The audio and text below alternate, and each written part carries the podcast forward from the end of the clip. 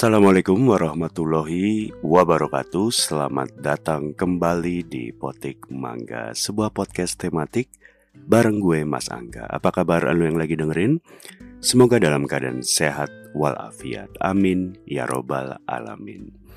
Para pemetik mangga sekalian uh, Weekend ini momen yang penuh campur aduk bagi para penikmat sepak bola di satu sisi tentu penuh sukacita, penuh antusias dan ketidaksabaran. Kalau bahasa Inggrisnya tuh cannot wait, uh, looking forward, eager. Karena tentu weekend ini final Piala Dunia. Itu adalah momen yang paling ditunggu sama para penggemar sepak bola sedunia. Tapi di sisi lain, ketika sudah memasuki babak final artinya Uh, pertandingan tersebut adalah pertandingan terakhir dari Piala Dunia. Pertandingan Piala Dunia berikutnya tentu akan hadir empat tahun lagi. Kalau nggak ada pandemi yang mungkin bisa membuat uh, ajang tersebut ditunda. Tapi tentu sebuah perasaan yang sedih berpisah dengan momen Piala Dunia. Karena memang weekend ini adalah weekend terakhir ajang sepak bola paling gede sedunia. Piala Dunia itu di weekend ini sisa dua game lagi. Malam nanti hari Sabtu, um, pertandingan yang tidak penting, perebutan juara tiga antara dua negara yang kalah di semifinal, Kroasia dan Maroko. Yang pengen nonton ya monggo, uh, masih pengen lihat Maroko main mungkin karena kayaknya empat tahun lagi di Piala Dunia selanjutnya Maroko belum tentu lolos grup dan masuk semifinal lagi. Jadi mungkin ini salah satu um, momen terakhir untuk melihat kehebatan tim nasional Maroko. Ya biasanya sih kalau perebutan juara tiga, yang main kadang-kadang sudah pemain lapis kedua alias pelatih biasanya memberikan kesempatan bagi para pemain yang belum memiliki waktu bermain di Piala Dunia. Jadi ada kemungkinan di pertandingan Sabtu malam nanti ya Luka Modric mungkin gak main, Hakim Ziyech mungkin gak main, Hakimi mungkin gak main, tapi ya Intinya bisa jadi banyak pemain inti yang tidak dimainkan oleh pelatih timnas masing-masing. Jadi ya makanya kadang perebutan juara tiga tidak semenarik pertandingan lainnya yang ada di Piala Dunia. Jadi ya monggo kalau yang mau nonton, kalau nggak juga nggak apa-apa. Itu sifatnya opsional kalau di formulir ya. Diisi boleh, nggak juga nggak apa-apa. Tapi tentu yang paling ditunggu adalah ya final Piala Dunia. Final kali ini akan mempertandingkan antara Argentina melawan Prancis di hari Minggu malam.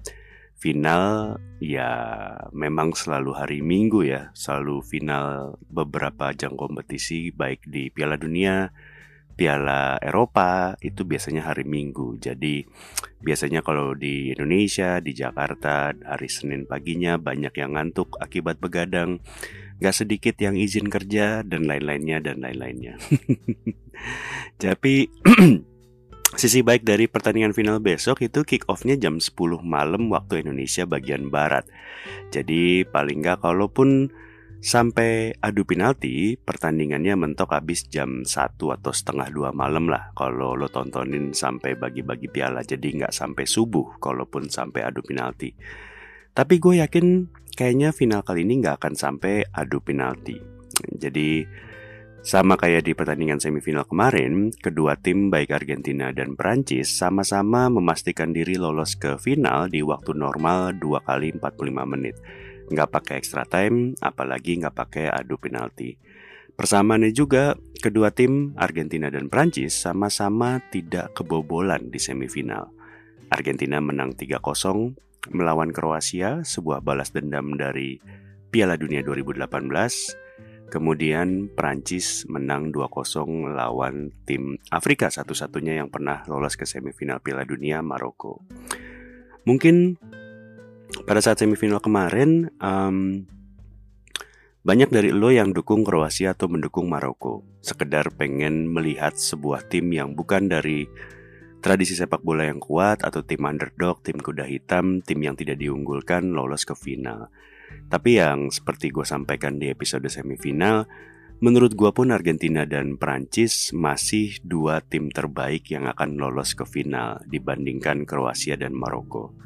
Dan buat gue sih kayaknya final Argentina Prancis adalah sebuah final yang terbaik untuk Piala Dunia 2022 ini gitu. Salah satu yang bisa dibilang adalah final impian banyak orang gitu. Final yang bagus untuk industri sepak bola, final yang bagus untuk sebuah event tanpa bermaksud mengecilkan Kroasia dan Maroko tentunya. Terlepas dari apa pun mungkin teori konspirasi yang lo yakinin, gua sih mungkin sebagai orang awam, fans kardus pada umumnya, kalau kata Coach Justin, gue sih seneng-seneng aja ya finalnya Argentina melawan Prancis gitu. Dan mungkin seperti banyak orang, mungkin gue asumsikan ini adalah pendapat mayoritas. Gue pun juga sama memprediksi kalau Messi akan angkat piala di hari Senin dini hari 17 Desember waktu Indonesia bagian Barat. Argentina itu kemarin menang 3-0 lawan Kroasia. Sungguh kemenangan yang telak kalau kita lihat dari sisi skor.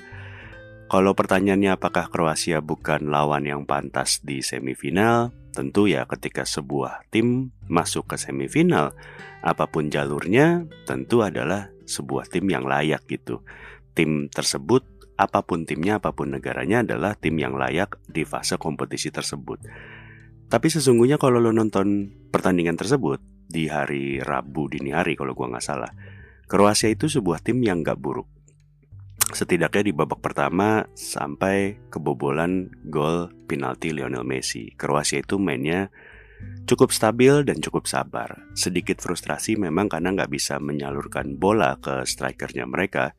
Tapi setidaknya Kroasia meskipun skor akhirnya kalah 0-3, ball position Kroasia itu 60%. Namun ya, apalah artinya ball possession tanpa gol, apalah artinya ball possession tanpa kemenangan. Dan kenapa ball possession Kroasia bisa sebegitu dominan? Kalau menurut gue itu kayak Argentina membiarkan Kroasia memegang bola tapi nggak dikasih ruang yang cukup untuk striker Kroasia nerima bola bagus. Kurang lebihnya kayak gitu.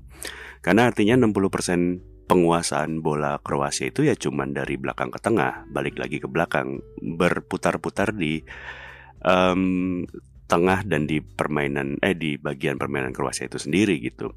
Karena Argentina di game itu mengubah formasi mereka biasa yang 4-3-3 menjadi 4-4-2. 4-4-2 itu dengan tanpa uh, winger murni. Jadi uh, kalau gua nggak salah empat yang di tengahnya itu berubah dari flat jadi diamond, flat jadi diamond. Jadi nggak ada winger murni gitu.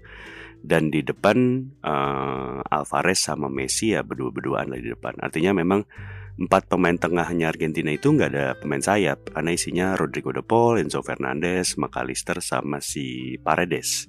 Sedikit rapat ke tengah buat bikin lini tengah Kroasia yang cuman bertiga itu ngerasa padat dan sulit majuin bola ke depan. Kurang lebih yang gue lihat sih kayak gitu.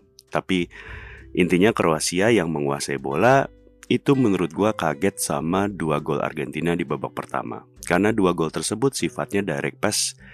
Um, apa ya bahasanya ya? Gue nggak tahu terminologi teknis yang tepat. Mungkin lo tahu tapi intinya bola itu dialurkan langsung dari tengah ke depan lewat direct pass, true pass atau mungkin long ball atas gitu. Artinya um, Kroasia kayaknya nggak nggak nggak siap, agak kaget gitu. Gol pertama itu gue nggak ngerti gimana. Kok bisa-bisanya back Kroasia bengong sehingga umpan panjang dari tengah kalau gue nggak salah itu si Alvarez lolos one on one sama kiper alhasil ditabrak oleh Livakovic dan penalti. Ya banyak yang bilang harusnya nggak penalti, tapi kalau gua ngelihatnya sih kayaknya sulit ya buat wasit nggak ngasih penalti karena memang posisinya ditabrak setelah bolanya lepas. Jadi eh, ketika ada seorang striker ditabrak oleh kiper tanpa bola ya nggak pakai adegan ngecek VAR, wasit langsung ngasih titik uh, penalti gitu kurang lebihnya. Dan tentu nggak kayak kaptennya Inggris, kaptennya Argentina disuruh buat eksekusi penalti sih bisa diandalkan ya. Dan gak lama gol kedua itu cuma beda sekitar 6 atau 7 menit kalau gue gak salah. Itu dari cornernya Kroasia. Cornernya Kroasia di bukannya diumpan panjang ke kotak penalti tapi dioper ke belakang. Kena potong umpannya terus kemudian dua kali passing Alvarez dari tengah lapangan dribble lurus. Dribble yang gak bagus-bagus amat sebenarnya, gak seindah dribble Messi tapi dua kali bola itu mantul balik lagi ke Alvarez dari pemain Kroasia, alhasil gol. Nah kalau gol ketiga baru memang uh, dribble Messi yang luar biasa ciamik ya, nggak kelihatan kalau Messi umurnya udah 35 tahun, tapi ketika Messi sudah melewati Guardiola, um, Alvarez cuman only have one job ya, tinggal nerima bola dari dribble Messi, Alvarez gol. Dan malam itu Alvarez luar biasa buat para pemain fantasy football karena gue nggak memilih Alvarez jadi pemain fantasy football gue. Alvarez malam itu membuat dua gol uh, dan satu mendapat penalti. Jadi dia poinnya kalau gue nggak salah di sekitar uh, eh, 15 kalau gue nggak salah. Dan kalau lo bayangin Alvarez itu di tingkat klub, Alvarez buat lo yang nggak tahu, klubnya itu Manchester City. Dan di Manchester City, Alvarez itu hanya cadangannya Erling Haaland. Jarang sekali dimainkan bareng, hanya sebagai penggantinya Erling Haaland. Dan Haaland kayaknya kalau kita seteris paribus ya, seteris paribus itu kalau semuanya sama aja, tidak ada perubahan, Haaland gitu-gitu aja, negaranya gitu-gitu aja Halan itu kayaknya akan jadi legenda gol yang gak akan juara Piala Dunia karena negerinya kacrut gitu, tim negaranya kacrut. Ya mungkin kalau lo tahun 90-an tahu pemain kayak George Weah yang jago banget jadi striker uh, menang Ballon d'Or tapi ya negaranya Liberia nggak akan jadi peserta Piala Dunia sekalipun gitu. Anaknya George Weah aja milih untuk jadi pemain timnas Amerika Serikat ya.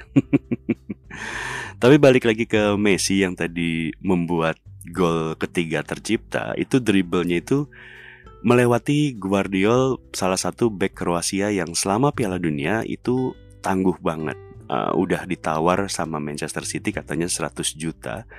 Itu dribble Messi membuat Guardiol jadi kelihatan kayak pemain amatir. Sungguh Messi bisa membuat pemain lawannya jadi kayak nggak bisa main bola gitu.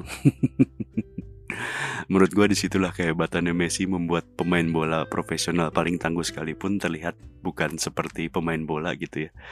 Tapi dari 2-0 babak pertama pun sepertinya Kroasia memang udah tahu kalau mereka udah nggak bisa balikin keadaan gitu. Golin satu aja susah, apalagi golin dua.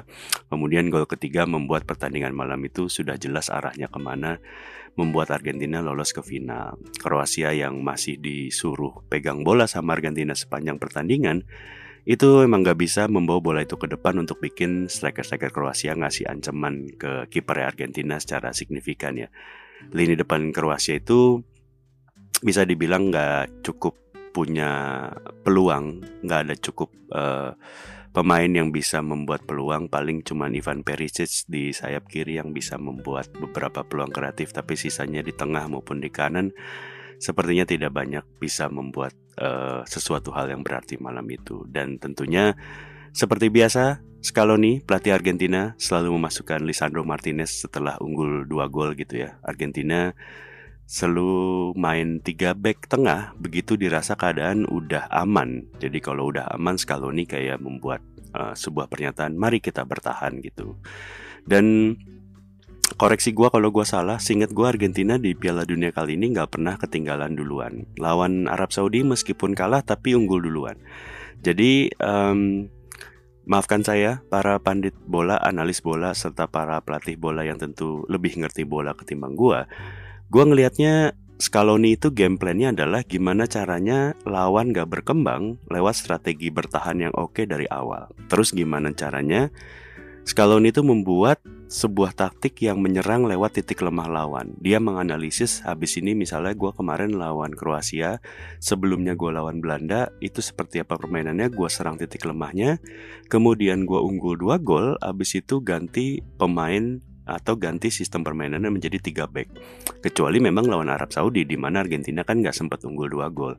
Sisanya di semua lawannya Argentina itu selalu unggul dua gol duluan ya tinggal gimana lawannya respon gitu.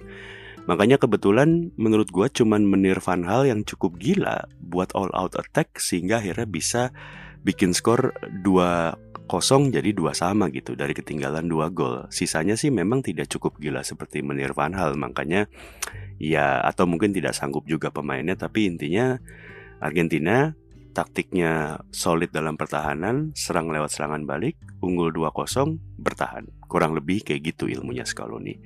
Tentu yang bisa kita berikan pujian ya hebatnya menurut gue adalah penyesuaian terhadap taktik lawan supaya nggak kebobolan duluan. Tapi yang selalu sama adalah memasukin pemain bertahan setelah unggul dua gol. Setidaknya, menurut gua, kalau memang Scaloni segitu jeniusnya, tentu pasti bisa bikin taktik untuk eksploitasi taktiknya di Dier Deschamps di Prancis hari Minggu malam itu. Kalau ngomongin di Dier Deschamps, itu entah kenapa gua sering baca di sosial media gitu ya di The Deschamps itu entah kenapa banyak yang bilang sebagai pelatih yang biasa-biasa aja. Uh, Deschamps itu selalu dibilang pelatih yang mengandalkan pemain yang jago. Ya namanya pelatih pasti mengandalkan pemain doang gitu. Ya karena kan pelatih tidak menendang bola masuk ke gawang bukan. ya Scaloni pun mengandalkan Messi gitu, mengandalkan Otamendi, mengandalkan Emi Martinez. Menurut gua apa bedanya pelatih Argentina, pelatih negara lain, pelatih klub lain ya Pep Guardiola pun mengandalkan Erling Haaland gitu. Apa bedanya Deschamps gitu? Deschamps itu entah kenapa gue sering baca dibilang miskin taktik gitu. Deschamps itu buat lo yang nggak tahu. Didier Deschamps pelatihnya Prancis saat ini tuh seorang legend. Meskipun memang um, Didier Deschamps itu bukan pemain yang segemilang atau sekeren misalnya Zinedine Zidane atau misalnya sekeren Thierry Henry. Deschamps itu menurut gue masuk ke kategori orang yang jago sebagai pemain dan jago juga sebagai pelatih. Deschamps itu adalah pelatih, eh sorry, adalah kapten timnas Prancis juara Piala Dunia 98 yang kemudian dua tahun kemudian juara Euro 2000. Dan kalau gua nggak salah maafkan kalau gua salah di dunia sepak bola ada namanya makalele role sebuah apa tuh ya posisi yang diberikan untuk pemain gelandang bertahan menurut gua sebelum ada makalele role yaitu posisinya Deschamps gitu gelandang bertahan dengan akurasi passing jago baca permainan uh, siap box to box gitu kalau di sekarang mungkin Casemiro tapi Casemiro itu uh, versinya masih agak parlente ya. Di Deschamps itu Casemiro versi agak brutal gitu ya. Casemiro masih agak elegan gitu. Dan setelah pensiun sebagai pelatih, Deschamps itu prestasinya menurut gue juga nggak jelek, bahkan bagus luar biasa gitu. Deschamps bisa bawa Monaco juara Liga Prancis, bahkan membawa Monaco masuk ke final Liga Champions sebelum kalah sama uh, Portonya Jose Mourinho. Deschamps itu adalah pelatih Juventus. Buat lo yang Juventini kalau masih inget, itu adalah yang ngebawa Juventus menang Serie B, membawa Juventus balik ke Serie A lagi setelah kasus Calciopoli. Ya mungkin para fans Juve akan selalu ingat jasanya di Didier Deschamps ya gimana Deschamps akhirnya mau membantu klub lamanya ngelatih Juve di Serie B setelah waktu itu Fabio Capello cabut, uh, resign kalau gue nggak salah. Dan bisa jadi um, akan jadi satu-satunya pelatih yang bawa Juventus juara Serie B ya. Asumsi Juventus nggak akan degradasi sampai kiamat ya. Tapi intinya setelah dari Juventus yang cuma setahun ngebawa ke Serie A itu sempat ada konflik sama Juventus atau gimana gue lupa detailnya. Dia akhirnya um, balik lagi ke kursi pelatih itu buat ngelatih klub uh, Prancis Marseille dan di Marseille pun juara. Habis itu setelah dari Marseille ada panggilan negara untuk ngelatih timnas. Di timnas, Didier Deschamps ini mulai ngelatih itu tahun 2012. Sebelum akhirnya Didier Deschamps juara Piala Dunia 2018 alias 6 tahun setelah ditunjuk jadi pelatih, emang prestasinya timnas Prancis itu nggak bagus. Artinya setelah dulu generasi emasnya eranya Didier Deschamps, Zinedine Zidane, Thierry Henry yang jadi juara di Piala Dunia 98 lanjut ke juara Euro 2000, Prancis itu menjadi tim yang bisa dibilang biasa-biasa aja lah, baik di Eropa maupun di Piala Dunia. Apalagi setelah Zidane pensiun, uh, Prancis itu tim yang bisa dibilang kurang oke okay lah. Di turnamen pertamanya di Dier Deschamps itu di Euro 2012. Di Euro 2012, Deschamps itu kalah di delapan besar.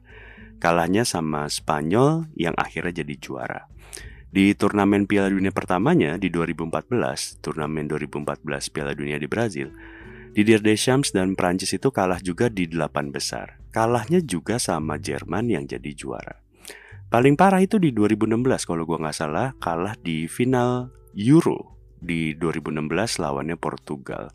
Gelar pertama uh, Euro untuk Portugal dan Cristiano Ronaldo. Kenapa gue bilang paling parah? Walaupun Prancis sampai ke final, final pertamanya di Dier Deschamps, final di sebuah ajang Euro 2016 bisa dibilang paling parah karena pada saat Euro 2016 itu Prancis bertindak sebagai tuan rumah dan ekspektasi publik itu gede banget. Final di hadapan um, pendukungnya di negara sendiri itu ekspektasi sangat besar. Dan di final melawan Portugal yang sebenarnya bisa dibilang tidak diunggulkan. Bahkan pemain utamanya Portugal Cristiano Ronaldo itu juga cedera dan diganti di 20 menit babak pertama gitu. Makanya kalahnya Prancis di final Euro 2016 itu kayaknya yang paling gimana gitu, paling membekas lah. Walaupun akhirnya um, Deschamps dan Federasi Sepak Bola Prancis (PSSP) Persatuan Sepak Bola Seluruh Prancis (PSSP). Tapi intinya Deschamps diperpanjang kontraknya sampai Piala Dunia 2018 Rusia. Ya sejarah mengatakan Prancis akhirnya juara di World Cup 2018, tapi Didier Deschamps itu tidak dianggap sebagai pelatih yang jago karena memang di 2018 bakat Prancis timnas Prancisnya itu menurut gue sih luar biasa berlebihan ya di Piala Dunia 2018 mulai dari Hugo Lloris di kiper, Rafael Varane, uh, Um Titi yang masih jago di Barcelona, ada duet Pogba dan Kante di lini tengah. Di depannya ada Griezmann dan Giroud yang luar biasa jago di Euro 2016 kemudian dilengkapi sama wonderkid yang namanya Kylian Mbappe. Ya orang mungkin suka mengkritik orang orang-orang yang suka mengkritik Deschamps tuh mungkin um, girang kali ya, mungkin seneng ketika setelah juara 2018 uh, Prancis di turnamen berikutnya di Euro kemarin itu Prancis kalah di 16 besar. Jadi Prancis bahkan udah unggul 3-1 jadi seri 3 sama lawan Swiss kemudian kalah adu penalti. Jadi mungkin banyak yang bilang France pun di 2022 Piala Dunia kali ini gak bisa jauh gitu. Karena kemarin di Euro pun mentok di 16 besar di 2022 tidak ada pernah juara bertahan yang melaju jauh sejak di Piala Dunia kurang lebihnya kayak gitu. Ditambah dengan France badai cedera. Pogba sama Kante itu cedera dua pemain lini tengah yang bikin France juara di 2018 itu nggak ikutan di 2022 di back pun uh, Rafael Varane andalan di back tengah juga cedera dan nyaris nggak berangkat walaupun akhirnya diberangkatin dan Varane itu kalau gue nggak salah baru main di game kedua di babak grup. Di game pertama itu Varane nggak main sama sekali. Si temennya Varane di back itu harusnya Kim Bempe. Itu juga cedera backnya PSG. Di depan yang kemarin di babak semifinal itu golin, kalau lo tahu namanya Kolo Muani, itu baru masuk 40-an detik langsung golin di first touch ya.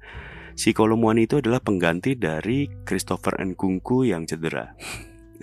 Enggak gue beneran kalau lo yang nggak tahu bola namanya beneran Christopher Nkunku lo boleh cek sendiri dan abis kalau Muani masuk ganti Nkunku nggak lama abis itu Karim Benzema juga cedera tapi Deschamps kekeh nggak usah ganti Karim Benzema jadi sebenarnya Prancis itu cuma 25 pemain yang bisa dimainkan di sepanjang Piala Dunia Qatar ini, alias semua negara di fur satu pemain.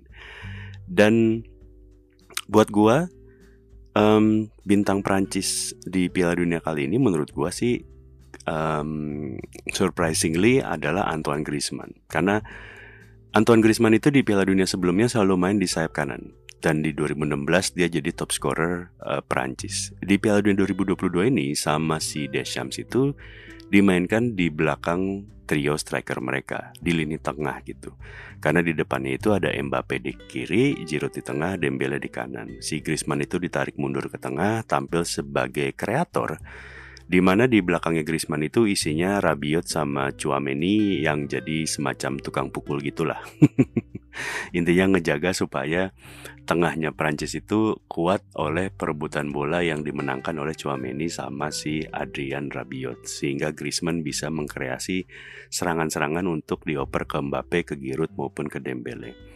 Meskipun balik lagi ke pemain ya, artinya mungkin Griezmann memang perform sebagai pemain tengah. Tapi menurut gua penentuan yang menyuruh Griezmann untuk main di tengah ya di Didier Deschamps. Artinya memang peran Deschamps untuk mengubah strategi, mengubah pemain tidak dalam posisinya ya itu menurut gua sebuah kecerdasan dari seorang Didier Deschamps.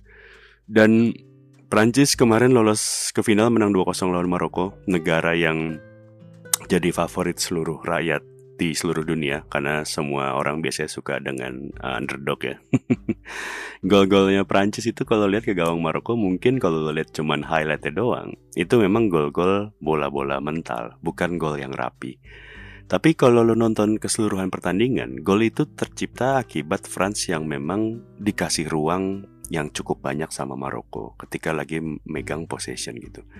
Padahal si Maroko ini sama kayak Kroasia gitu, punya ball possession yang tinggi 60 persenan. Tapi memang beberapa kali Maroko ketika bertahan itu terlalu terlalu apa ya, terlalu mundur, terlalu deep gitu. Bahkan Maroko memainkan tiga back tengah dengan back kanan back kiri jadi total 5 back untuk meredam mungkin Mbappe di kanan dan Dembele di kiri. Jadi memang menurut gua kedua pelatih baik Scaloni maupun Deschamps mungkin di hari minggu besok pada saat final bisa jadi nyuruh para pemain buat ngasih bola ke lawan untuk mereka ball possession buat pakai serangan balik gitu. bisa jadi karena kedua pelatih kayaknya memiliki sebuah semangat atau core yang mirip-mirip gitu. Tapi apakah kalau lo mungkin bertanya jadinya nggak seru pertandingannya? Menurut gue justru akan seru. Gue rasa akan mirip pertandingan France melawan England, di mana sebuah pertandingan itu ketika yang ada melakukan possession, possessionnya serapih dan semenarik mungkin gitu. Terus kalau ditanya siapa yang akan menang besok malam, kalau gue tadi udah bilang di awal, sepertinya akan ada sedikit keunggulan di Argentina. Meskipun secara skuad Prancis lebih kuat dan lebih bagus, tapi menurut gue kayak gini. Skenario-nya mungkin Argentina bisa golin duluan dan akan bertahan. Itu skenario pertama. Skenario yang lain adalah Argentina nggak bisa golin, frustasi, dan kena serangan balik yang cepat dari Mbappe atau Dembele dan Prancis juara lagi. Tapi menurut gua sepertinya akan sulit buat tim yang kebobolan duluan akan ngebalikin skor. Karena misalnya Argentina udah golin duluan harusnya Argentina seperti biasa akan menerapkan taktik bertahan dengan baik. Sebaliknya pun kalau France golin duluan gua rasa Argentina nggak akan bisa mengembalikan keadaan. Tapi yang pasti um, besok tanggal 18 Desember 2022 adalah pertandingan terakhir Piala Dunia Qatar 2022 yang menang paling punya waktu sebentar buat liburan dan party karena memang liga-liga sudah akan mulai di minggu depannya lagi. Yang kalah akan liburan dengan mood BT dan di minggu depan di tanggal 26 ya kalau gua nggak salah di Liga Inggris itu udah ada Boxing Day seperti biasa. Jadi siap-siap aja mungkin keadaan akan sedikit awkward ya di klub awal balik lagi gitu dari timnas gitu. Buat kayak misalnya di PSG gitu di Liga Prancis mungkin misalnya apakah Mbappe dan Messi bisa saling ngobrol, saling umpan, saling ketawa ketiwi gitu atau di Manchester United apakah nanti akan ada saling serang antar back tengah gitu Varane dan Lisandro Martinez? Yang pasti ya gua rasa menurut gua dengan skor yang tipis mungkin 1-0 paling banyak um, semoga nggak extra time tapi di minggu malam bisa aja kita akan lihat bagaimana Messi akan dinobatkan sebagai raja sepak bola dengan 7 balon d'Or dengan 4 Champions uh, 4 piala Champions Eropa satu Copa Amerika dan satu Piala Dunia yang akan didapatkan Messi di Senin dini hari malam waktu Indonesia. Kalau Messi juara Piala Dunia, ya debat Ronaldo Messi akan berakhir ya menurut gua. Karena suka nggak suka ketika Messi udah menang Piala Dunia, maka Messi secara trofi sudah lebih di atas Ronaldo. Tapi kan ini masih ada what if ya, kalau Messi menang. kalau Messi nanti malam di tanggal 18 itu tidak menang Piala Dunia, ya debat Ronaldo dan Messi masih akan terus berlanjut sampai akhir kiamat nanti menurut gua. Tapi bisa aja Mbappe ya mau back to back juara dunia karena pilihannya antara Messi juara dunia atau Mbappe back to back juara dunia untuk membuktikan mungkin Mbappe pengen bilang ke lulu semua sudah hilah perdebatan antara Messi dan Ronaldo karena sesungguhnya yang terbaik adalah gue. There's a new sheriff in town mungkin kata Mbappe.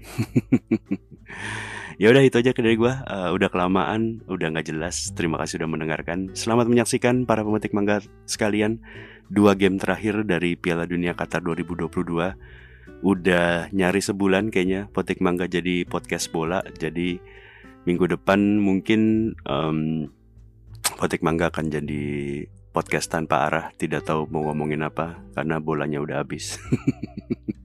Ya udah makasih sudah mendengarkan. Assalamualaikum warahmatullahi wabarakatuh